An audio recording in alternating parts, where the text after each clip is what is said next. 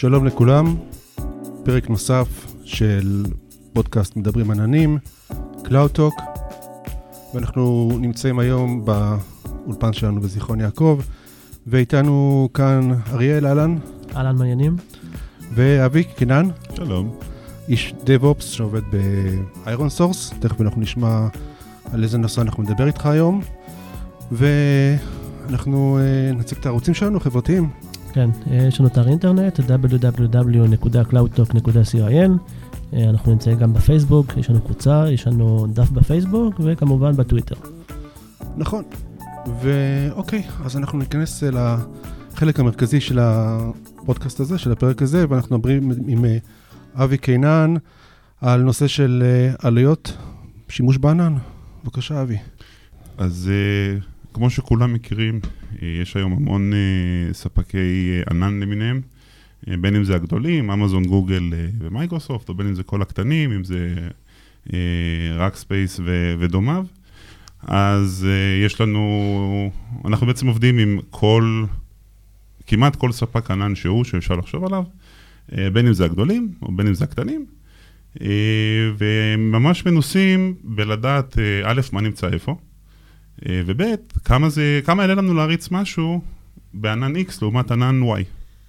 כל הבדיקה הזאת היא נעשית uh, על דברים uh, שכבר קיימים, או על פרויקטים עתידיים או workloadים נוספים? גם וגם. אנחנו גם יודעים uh, למצוא אם משתלם לנו להעביר משהו, שאנחנו משקללים את כל הפרמטרים, כולל האם יהיה דאונטיים, האם הכוח אדם שווה את זה, האם שווה להתעסק עם הפרויקט הזה, יכול להיות שהוא לא יהיה רלוונטי עוד שנה.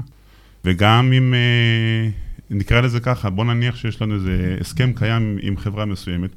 כשאותו הסכם הגיע, התחיל בחברה, אז הפעילות הייתה נגיד על 10% מכלל השירותים.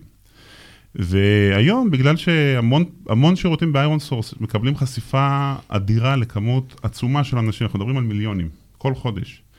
אז יכול להיות שאז כשהשירות היה רלוונטי ואולי תפס על כמות קטנה יותר של אנשים, והיום שהוא בסקייל הרבה יותר גדול, יכול להיות שסתם להרים, לעשות שיחה עם הספק ולהבין מולו, אה, איפה אנחנו עומדים, בואו נסתכל קצת קדימה, ואפשר להביא למצב שבו אותו שירות בעצם הרבה יותר משתלם בשבילך. יש בספקי השירות, יש להם מודלים שונים של תמחורים. זאת אומרת, זה לא, אנחנו, אנחנו מכירים את המודל הקלאסי של, של שימוש, של תשלום לפי שימוש, אבל יש מודלים נוספים של, של תמחורים. זאת אומרת, איך הדברים האלה משפיעים על, על חישובים של עלויות? זאת אומרת, אתם לוקחים בחשבון את המודלים השונים? אנחנו משקללים הכל. דוגמה הכי יפה, יש את הנושא של ספוטים ב-AWS, mm-hmm. או ephemeral משהו, יש לזה שם כלשהו ב Google Cloud.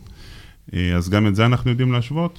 יש לנו גם ניסיון ממש טוב בתוך החברה עם כל מיני שירותים שונים. נגיד סתם, אחת המחלקות עובדת באופן שוטף עם גוגל, ומישהו ממחלקה אחרת עכשיו רוצה גם לעבוד עם משהו ספציפי בגוגל, אם זה BigQuery או נגיד Google Cloud, Google CDN.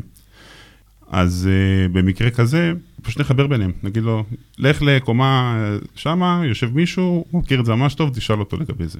Uh, מעבר לזה, בגלל שיש לנו חשיפה כל כך כל כך גדולה, בחברה פיתחו אנשים נורא נורא מוכשרים, uh, כלים שמראים לך מה נמצא איפה. היום יש לך כתובת IP של שרת, mm-hmm. Uh, מי שמכיר uh, CIDR עם רוב עבודה עם uh, שרתים ידע, אוקיי, זה לפחות, ידע לפחות איפה זה, של מי זה. מתחמים של כתובות IP. Uh, הוא ידע אם זה גוגל או, uh, או אם זה AWS, לדעת איפה זה נמצא בדיוק באיזה region זה כבר נהיה יותר בעייתי, לדעת איך קוראים ל instance או מה השם שלו, צריך להתחבר לחשבון, ויש מקומות שיש בהם יותר מחשבון אחד. בקיצור, יש uh, כלים שפיתחנו בתוך החברה, שיודעים לרדת לרזולוציית ה... איזה שרת זה, איזה security group זה, איזה ענן זה, אה, מה הדיסק שלו, כמה הוא עלה לך, מה ה traffic in, traffic out שלו, וזה רק לגבי שרתים. בוא נוסיף עכשיו אה, נושא של ELB, ווליומים.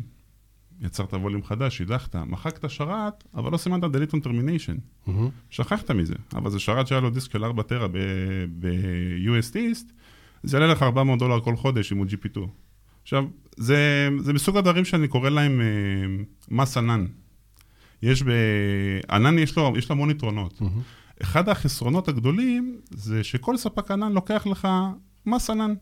הדלקת עכשיו שרת, אז אומרים לך, אוקיי, חסכנו לך את ההתעסקות עם הסוויצ'ים, עם הרכש, עם הכל, קודם כל ניקח לך קצת יותר. אבל המון פעמים אנשים שוכחים להוריד את הדברים שהם השתמשו בהם, או לבדוק שהם סגרו פרויקט שהוא באמת נסגר לגמרי. וזה באמת משלל נושאים אה, של אה, אפילו לשמור לוגים ל-S3, ושכחנו למחוק, ופתאום מתעוררים ויש bucket של 300 טרה. לא יודעים עליו, כי אף אחד לא חיפש אותו. אז בעצם, אה, כשאנחנו מסתכלים, נאמר, במודל הקלאסי שבה היינו מנהלים פעם, או מי שמנהל כיום, מרכזי מחשוב, דאטה סנטרים, או חדרי מחשב, ומנסה להבין את ה-TCO שלו, את העלות האמיתית שיש לו ל, ל, למחשוב, ל-IT שלו. אז אנחנו, אז זה משהו שאנחנו פחות יודעים, יודעים, יודעים איך לחשב אותו בצורה ברורה, אבל בתחום של ה cloud הדברים קצת פחות ברורים, כי המודלים הם אחרים, וה, ולא תמיד אנחנו יודעים כמה עולה כל אה, משאב ליחידת זמן. זה משהו ש... א', הוא כלל מחלקתי ברמת הארגון, כי משולב פה גם הנושא של finance. כל הנושא של CapEx מול OpEx, הרכ... התשלום השוטף, נגיד בענן, זה חשבונית חודשית, כי חודש הבא תסגור הכל, לא יהיה כלום. Mm-hmm. אבל אם קנית עכשיו שרתים וסוויצ'ים, אז עוד שלוש שנים מישהו יצטרך לפרק אותם, או מישהו יצטרך להחליף אותם, ואותו מישהו, זה מישהו שהוא איש system hands-on, על סביבות של on-prem. ובענן זה מישהו אחר שהוא טיפוס של Continuous Integration, אז בראייה הזאת באמת צריך להסתכל אה, גם ברמה של, אוקיי, אני יכול לבצע את זה? אם אני עכשיו אבוא עם תוכנית שתחסוך לארגון 25% מהשווי של, מהעלות של המוצר, של להפעיל את המוצר, זה שווה לנו? ה-CFO של החברה יעמוד מאחורי זה, ירצה mm-hmm. לתרום לזה, אם צריך לנסוע עכשיו לחו"ל שבועיים לחמישה אנשים של העבודה, כמה זה עולה? כולל מלונות, כולל עלות, חופש, כל, כל הנושאים מסביב. אז כשניקח איזה פרויקט, למשל, לבדוק קודם כל מה המרכיבים שלו, האם הוא uh, bandwidth consumption, ואז אנחנו נתעדף את הספק שיש לו קודם כל את ה-performance bandwidth הכי טובים. קשה מאוד להבדיל בין זה היום, ב-CDNים רואים את זה יותר טוב, אנחנו עושים מדי פעם טסטים עם אה, CDNים שונים, uh, ופשוט בודקים כמה זמן לקח להוריד את, ה, uh, את התמונה למכשיר, אם זה מחשב או, mm-hmm. או מובייל. ובספקי ענן, שיש לך את ה...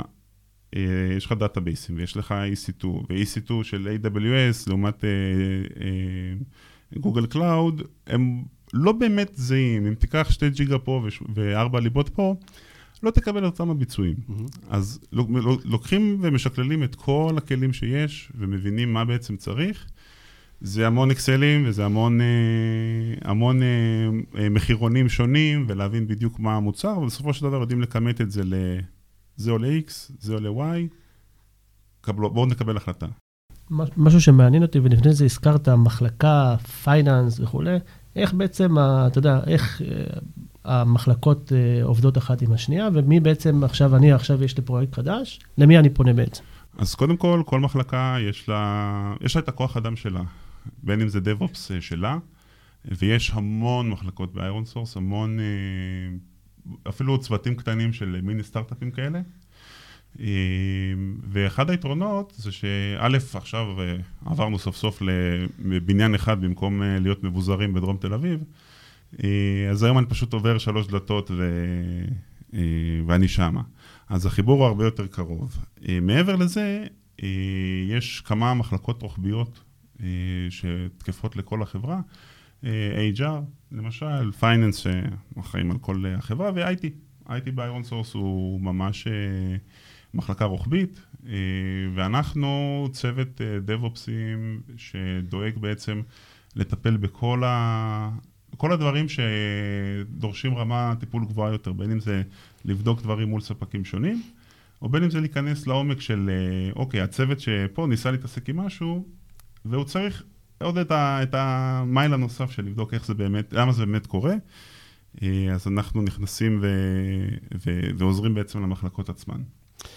אז בעצם אנחנו צריכים להבין שכשאנחנו מגיעים לבצע פרויקט של מחשוב ענן בחברה, ונאמר שאנחנו נכנסים לחברה שעדיין לא מכירה את התחום, יכול להיות שהנושא מעניין קודם כל את ה-CFO לפני שהוא מעניין את ה-CTO. אה, נכון. גם, אני אתן עוד, אה, עוד נקודה, בגלל שיש לנו יכולת גבוהה וויזיביליות גבוהה של הנתונים, היום כל, כל מחלקה יכולה לדעת בעצם, אה, א', כמה פרויקטים יש לה. כי אם יש לנו שלושה פרויקטים שונים באותו ריג'ן, ואנחנו נקבל חשבונית אחת, אז אנחנו נדע שה-EC2 עלה לנו ככה וככה, וה-S3 עלה לנו ככה וככה, אנחנו לא נדע בדיוק מה העלות האפקטיבית. אז הכל מתויג, יש טאגים על הכל. כן. אה, ואז בסופו של יום, אנחנו יודעים לעשות אה, סוג של צ'ארג'בק בתוך הארגון, פר מחלקה. בתוך כל מחלקה זה יהיה פר פרויקט, ובתוך כל פרויקט אנחנו נדע להגיד שה compute עלה לך ככה וככה, וסתם לדוגמה, ניתן דוגמה שהיא ממש אה, רלוונטית. בואו ניקח לדוגמה CDN שמפיץ את ה-SDK של אחד המוצרים, וזיהינו חריגה של 20 טרה ב-APAC. פתאום עלה traffic ב-20 טרה מ-APAC. עכשיו, מספר שהוא בחלק מהארגונים זה פותחים שמפניה, בחלק מהארגונים זה בסדר, עוד יום. אז בואו נלך נגיד עכשיו, ל, נגיד נלך ל-BI ונגיד להם, חבר'ה, בואו תבדקו אם היה איזה שינוי לטובה, כלשהו, אה, שבא מה, מהאזור הזה. אם היה גידול ב revenue, כי יש לנו גידול בהוצאות, בואו ננסה לקשר את זה לגידול בהכנסות. וזה חלק מצוות שבעצם פועל ב ironSource, שקוראים לו בגדול cost reduction team, שהוא מקשר בין כל הפרויקטים שיש, ובוחן גם פרויקטים קיימים, גם פרויקטים חדשים, אה, וגם דברים חריגים. למשל, אנחנו כנראה נראה שמחר יש את ה... יום הרווקים, או שזה היום או שזה אתמול, okay. אוקיי. יש השבוע את יום הרווקים. Okay. אוקיי. נראה מתי נעלה לאוויר על זה. אז, אז השבוע היה את יום הרווקים הסיני, ובגלל שזה יום שהוא חריג בטראפיק בתעשיית ההייטק, אני מניח שאנחנו נראה גידול מסוים באזור מסוים. אה, אז זה מסוג הדוגמאות שאחר כך יבוא מישהו, זה יכול להיות אני או מישהו אחר בצוות, אה, שכחלק מעבודת היום-יום שלו, הוא בודק שהיה גידול שהוא נורמלי. היה גידול, היה, קודם כל אם היה גידול, ולבדוק שבאמת התבצע משהו נורמלי, והמון פעמים מזהים, שעושים את המיני ביקורת הזאת, שיש א' דברים שרצים וכבר לא צריכים לרוץ, כי הפרויקט כבר לא רלוונטי, או לא מכניס יותר לארגון, או שמשהו לא עובד טוב. או שאולי uh, מתקפה? פחות, פחות, אה, פחות, כי גם את זה אנחנו יודעים לזהות. אנחנו ברמת ויזיביליות נורא נורא נורא גבוהה על המון המון דברים, ואני אתן לך דוגמה, דוגמה נורא יפה, CloudFront ב default, distribution של CloudFront, מוגבל ל-100,000 ריקווסטים בשנייה. אם תקבל יותר מ-100,000 ריקווסטים בשנייה, אתה תחטוף אה, 503. Mm-hmm. גם את זה אנחנו יודעים לזהות. אין, אין איזה גרף יפה שמציג לך שקיבלת יותר מדי ריקווסטים. אה, גם את זה אנחנו יודעים לזהות, גם את זה אנחנו... נתתי דוגמה ל-Cloudfront כי זה משהו שגם אותו הוספנו, אה, וגם אם ספק מסוים מזייף באזור מסוים, יש לנו באמת רמה גבוהה של ניטור בתוך הארגון אה, על מוצרים שונים. ככה אנחנו יודעים להגיד שא' או ב' בסדר, ולראות שהכל רץ.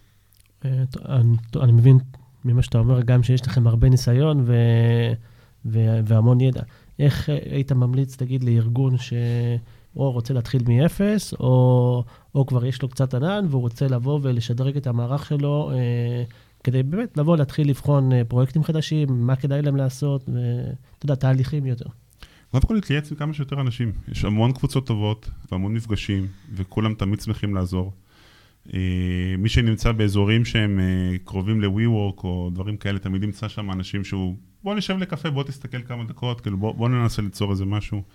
אה, אפשר גם להיעזר ביועצים אה, אה, בארץ, והם ברמה מאוד מאוד גבוהה, ויודעים לזהות המון דברים, ויודעים גם להטמיע בארגון המון המון תהליכים, כי גם כשאתה רוצה לעבוד בענן, אז יש את השרשרת של, אוקיי, בוא נשמור את כל ה-Cloud איפשהו, בוא נשמור את כל הנושא של ה billing איפשהו, ואותו מתכנת שאמור לשים, לשנות משהו ב autoscale, לא באמת צריך לדעת כמה... לא צריך לדעת מה ה billing של כל הארגון, צריך לדעת אולי ספציפית כמה עלה לו הדבר הזה שהוא יתעסק איתו. כן צריך ללמד את האנשים בחברה, שכשאתה משנה instance type, אז החשבונית גדלה. ואז יוצרים, אה, חשיפ... אז גורמים לאנשים להבין אה, מה העלות האפקטיבית בעצם של, של כל דבר. הוא יודע שהוא לא יעלה על טייס אוטומטי instance type כי הוא יכול. נגיד אם, אם זה קרה בלילה אז הוא יעלה את זה כדי שהוא יישן בשקט, אבל בבוקר למחרת הוא יבוא ויבדוק מה קרה. נושא נוסף זה גם באמת לעבוד מסודר, להטמיע מהרמה של ה-IAM, של ה user יהיה אה, גישה רק לדברים שהוא צריך ברמת החשבון, אה, ועד למישהו, אנליסט שעובר על החשבונית באותו חודש ואומר לעצמו, מסתדר, נתונים בסדר, לא היה פה משהו חריג. אז כן צריך להסתכל על זה בלשלוח זרועות לכל מקום, וגם להתייעץ עם אנשים, וגם לשאול שאלות, וגם אם משהו לא בסדר, לנסות להתריע. אה, ובעיקר, לבוא לעבוד. כן. טוב, אני, אני רק אשתף מהניסיון שלנו, ככה לקראת הסיום של החלק הזה. כשאנחנו מגיעים ללקוחות ומציגים להם לראשונה את המודלים של העלויות בתחום של ה cloud, אז אחד הדברים שהכי קשים להם זה שהם אומרים, אבל, אבל כמה אני אשלם בסוף החודש? והעובדה שאתה לא יכול להגיד להם, תשמע, אתה יכול לעשות הערכה, אפשר לעשות אסטימיישן, להגיד להם, זה יעלה לך אלף דולר, אלפיים דולר בחודש, אבל אי אפשר לדעת באמת על, על הדולר, על השקל, ולפעמים זה קצת קשה להם, התפיסה הזאת. אבל uh, בעצם, למי שלא, כאילו, אנחנו חושבים על זה, אז אנחנו מכירים את המודל הזה גם בחיי היומיום שלנו, וזה גם מה שאני גם אומר ללקוחות שלנו. זאת אומרת, הרי כמה עולה לך חשבון מים בחודש?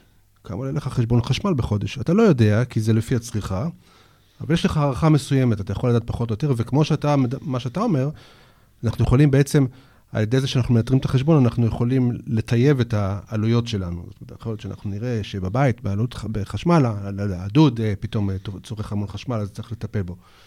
אבל המודל הזה באמת, שבו אנחנו משלמים על פי צריכה, הוא לא כזה זר, הוא רק תפיסתית לא מתחבר לכולם עם, עם עולם המחשוב, הוא לא כזה זר. נכון. כן, אז זהו, זה, זה, זה, זה סוג של אה, תובנה שצריכה לחלחל אצל מי שלראשונה נתקל ב... אני מסכים, אנחנו עושים עכשיו גם פרויקט, אה, סיפרתי באחד הפודקאסטים הקודמים, על ה-serverless. ואתה בא ואתה בא ואומר להם, אוקיי, אה, אתם יודעים כמה דאטה נצרוך, או אתה יודע, כדי לתת להם איזה הערכה, ולא יודעים לתת לך הערכה אפילו שאתה יודע כמה דאטה אה, יצא החוצה. ואתה יודע, זה, זה מסבך אותך, כי הם רוצים, אוקיי, אני רוצה מספר, אני רוצה לאשר את זה תקציבית, רכש וכולי. ו... ובעצם, אתה יודע, אתה, אתה מנסה להסביר להם איך זה עובד, ו... וזה משהו באמת, שזה כן. שינוי מחשבתי, ש... מחשבתי שצריך לעשות אותו. נכון, זאת אומרת, כשאנחנו נכנסים לפרויקט של מחשוב ענן, כמו שדיברנו מקודם, זה מעניין את ה-CFO לא פחות מה-CTO, וזה חלק שצריך להבין אותו בפרויקטים כאלה בארגונים, כלומר, הדבר הזה הוא מחלחל אה, רוחבית ולעומק. זאת אומרת, גם, גם העניין הטכנולוגי, אבל לא פחות מזה, גם העניין הכלכלי. גם העניין העסקי, גם משפיע על התקציבים של החברה, גם ההבדל בין המודלים השונים. זה תהליך שהוא צריך להיות כלל ארגוני וכן צריך להבין מה רוצים להשיג ממנו. אה, מעבר לזה, בשיחה שלי עם אחד מהספקי ענן שנפגש אצל חברה, אה, שאומר לי, לא משהו גדול, כולה שלושה שרתים, פה בישראל. והם ישבו ועבדו ועבדו ועבדו והסבירו והציגו, ובסופו של דבר זה נפל בגלל שיש קשר שלם בחברה, אמר להם, תשמע, יש לנו שני אנשי IT והם טיפוסים של VMware, זה לא יעבוד. אז uh, המון פעמים זה גם uh, נופל על uh, כוח אדם ולהבין בעצם מה, מה זה instance ואיך אני יכול לקחת משהו לשעתיים ואחר כך להחזיר אותו. מה ההבדל בין instance לשרת? גם, כן. גם המון פעמים, כאילו, אחת מהחוויות של אנשי VMware שעוברים לענן, הם מגלים פתאום ש instance זה לא דבר כל כך חזק. והביצועים לא כמו שהם היו רגילים אליהם, ומשהו ששרת אחד יכול להריץ, פתאום צריך ארבע. אה, מצד שני, המון מצבים שהם, אה, אה, שאתה רוצה להריץ לזמן קצר, או לבצע משהו שהוא סך הכל POC. Mm-hmm. אנחנו סטארט-אפ, אנחנו לא רוצים עכשיו לקנות רכש ולצאת בפרויקטים גרנדיוזיים. בואו נבצע את הבדיקה, תעלה לנו, תעלה לנו קצת יותר, אם היינו מסתכלים על זה בטווח של שלוש שנים. אבל אותו בדיקה ספציפית זה עשה את העבודה. לא עבד, לא משתלם, סגרנו, זהו, נמשיך הלאה. אה, אז זה כן נותן גשר של אה, פתרונות נוספים וחדשים לחברות. צריך לבדוק כל מקרה לגופו. כן. אוקיי, אה, אבי, תודה רבה. תודה לכם. על מה ששמענו כאן ממך, דברים אה, בהחלט שחשובים, זאת אומרת, כשאנחנו נכנסים לפרויקטים של מחשוב ענן, אנחנו לא יכולים בכלל, בכלל להתעלם מהחלק העסקי, הכלכלי, מההשלכה של זה על הארגון. וכמו שאנחנו שומעים ממך כאן, זה דבר שצריך להיות אה, ער אליו. זאת אומרת, צריך להבין את זה לעומק, וגם אה, להיות עם יד על הדופק כל הזמן. ו... כן, אני חושב שמה שחזרת עכשיו, יד על הדופק ולבדוק כל הזמן, זה גם מה שעלה אה, מהדברים של אבי, זה הכי חשוב בעצם. נכון. כל הזמן לשפר ולבדוק עלויות. נכון. אז תודה רבה, אבי. תודה, תודה. אתה נשאר איתנו, אל תברח.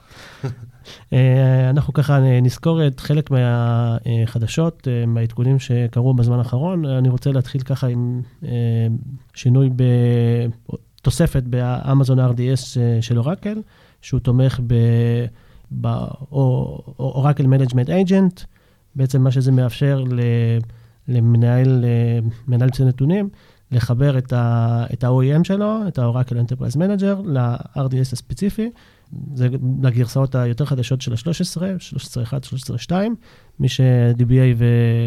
וזקוק לזה, אז אה, היום הוא יכול. זה בהמשך למגמה שדיברנו עליה גם באחד הפרקים הקודמים, על אמזון מפתחת גם את, ה, את ה Postgres אה, RDS שלה שתומך באורקל, אבל מצד שני, היא, היא, לא, היא לא זונחת גם את, ה, mm-hmm. את ה databaseים הרגילים, את ה-RDSים הרגילים.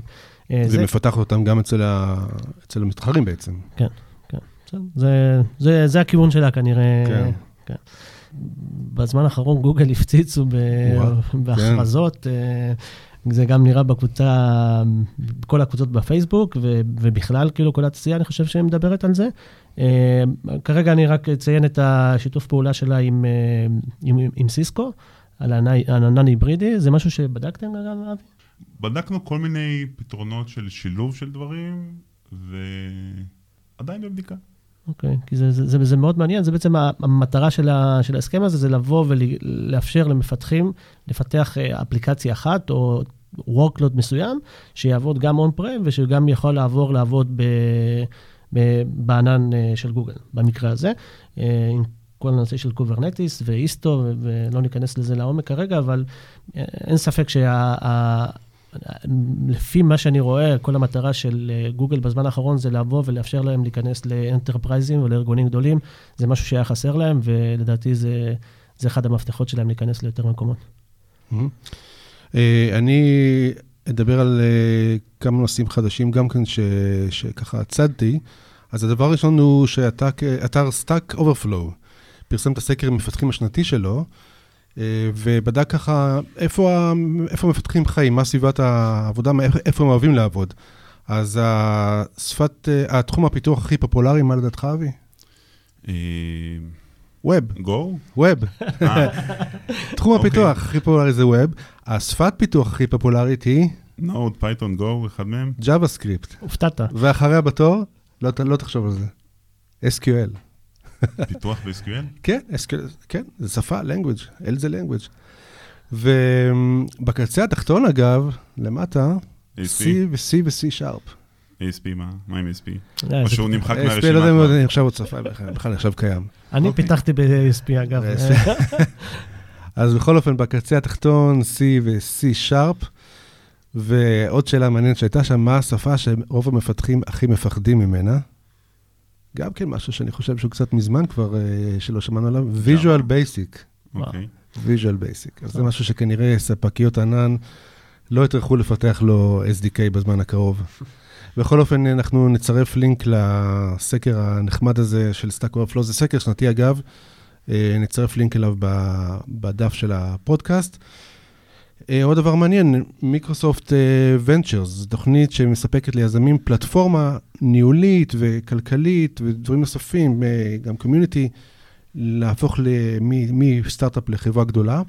אז Microsoft Ventures הכריזה על תחרות שנקראת Innovate AI, ובתחרות הזאת בעצם סטארט-אפים שיצליחו לשלב AI, בינה מלאכותית, באפליקציות שלהם, יכולים לזכות בהשקעות די גבוהות של עד מיליון דולר, ממש בכסף, ועד שני מיליון דולר בקרדיטים לשימוש באז'ור, זה מיקרוסופט ונצ'ר. מעניין, צריך כן. לפתח משהו, אולי נחשוב. כן, עם AI. וזו תחרות שמתקיימת בשלושה אזורים בעולם, גם בצפון אמריקה, באירופה ובישראל. מי שמעוניין, מי מקשיב ומעוניין להצטרף, עד ה-31 לדצמבר עוד אפשר להשאיר, להגיש מועמדות. כן, צריך להיות בוסט רציני לסטארט-אפים. גם לזה נשאיר קישור בדף של הפודקאסט. מעניין. כן. ודבר אחרון שאני אזכיר, וזה משהו שקשור אליך גם, אריאל. עוד פעם אתה? עוד פעם אתה. אז All Cloud קיבלה את המכרז של משרד האוצר על תשתית של CRM בענן, על גבי Salesforce, שזה גם כן איזשהו אה, כן. שת"פ שהוכרז לאחרונה עם אה, גוגל. אה, ככה כמה, כמה מילים, אה. אני, אני חושב שנדבר על גוגל וסיילספורס, נקדיש לזה קצת יותר זמן בפרק כן. הבא, אבל אה, המכרז הזה היה אחד, אני חושב שזה המכרז הראשון בממשלה בכלל שעוסק במערכת שרוצים לשים אותה בענן, רק בענן. בסדר? זה המכרז ש, שהוכרז שאנחנו לא נקבל הצעות של און פרם, וזה אה, היה קצת ארוך והיה מעניין. זה בעצם מהצד שלי, זה כטכנולוג, זו הפעם הראשונה שממש התעסקתי גם באיך לכתוב מכ- מכרז, כאילו, אתה יודע, לתת uh, את ה-added value שלי בתור טכנולוג למכרז uh, ממשלתי, זה היה מאוד מעניין, מאתגר, וזהו, uh, ברכות לזוכים, וכרגע כבר אנחנו נמצאים בתהליך הזה של אחרי זה, להכין את כל התשתיות. ואם כבר, אתה יודע, מדברים על עלויות ועל, ועל כל מיני דברים אה, שקשורים לענן, להכשיר אנשים וטכנולוגיה, אז אה, צריך אה, לזכור שארגון enterprise, ובטח אלה שחיים אולי על תשתיות יותר ישנות, זה דורש המון התאמה של תשתיות קיימות לענן. אז אה, יהיה לנו מעניין בכל מקרה. התאמה של תשתיות קיימות או, או הקמה של מערכים חדשים לגמרי? גם וגם. בוא נגיד ככה, מבחינת כוח אדם זה הכשרות והכול, וגם התשתיות עצמן זה, תראה, רוב התשתיות נשארות. אז אנחנו נצטרך גם נגיד להוסיף ESB כדי לממשק API, ומצד שני לבוא ולשדרג את, ה, את היכולת של ה-SSO שלנו לעבוד מול, אה, מול אה, אפליקציה, שירות חדש מהמם. בענן, סאסי, שלא היה קיים. אז אה, אני לא אגיד את השמות של, ה...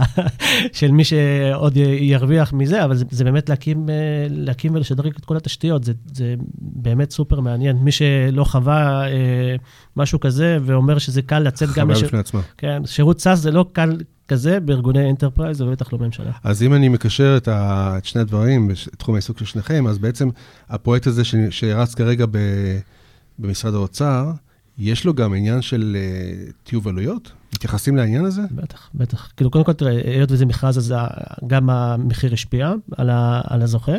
שנית, דיברתי לפני זה על נגיד דברים טכנולוגיים, אז כשאני בדקתי אה, את חלק מה...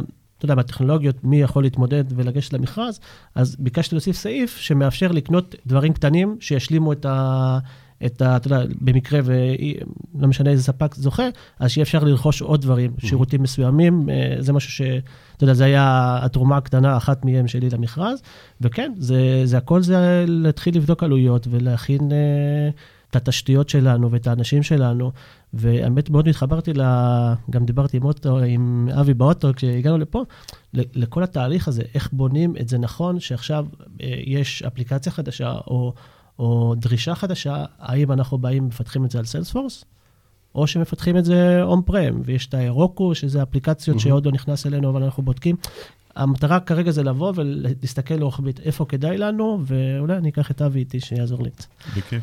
אז אוקיי, אז הנה עוד... אה, גם חיבור בממשלה מעניין. הזה עושה גם. גם בממשלה מעניין. גם בממשלה, אפילו שם מעניין. טוב, אם אתה שם, אז זה מעניין, כן. טוב, אז נסכם את הפודקאסט, את הפרק המעניין של הפודקאסט הזה היום. דיברנו עם אבי קינן מ-Iron Source על נושא של טיוב עלויות בענן, איך אנחנו אה, דוגמים את הדבר הזה, איך אנחנו מתייחסים לזה, איך אנחנו נמצאים עם יד על הדופק כל הזמן.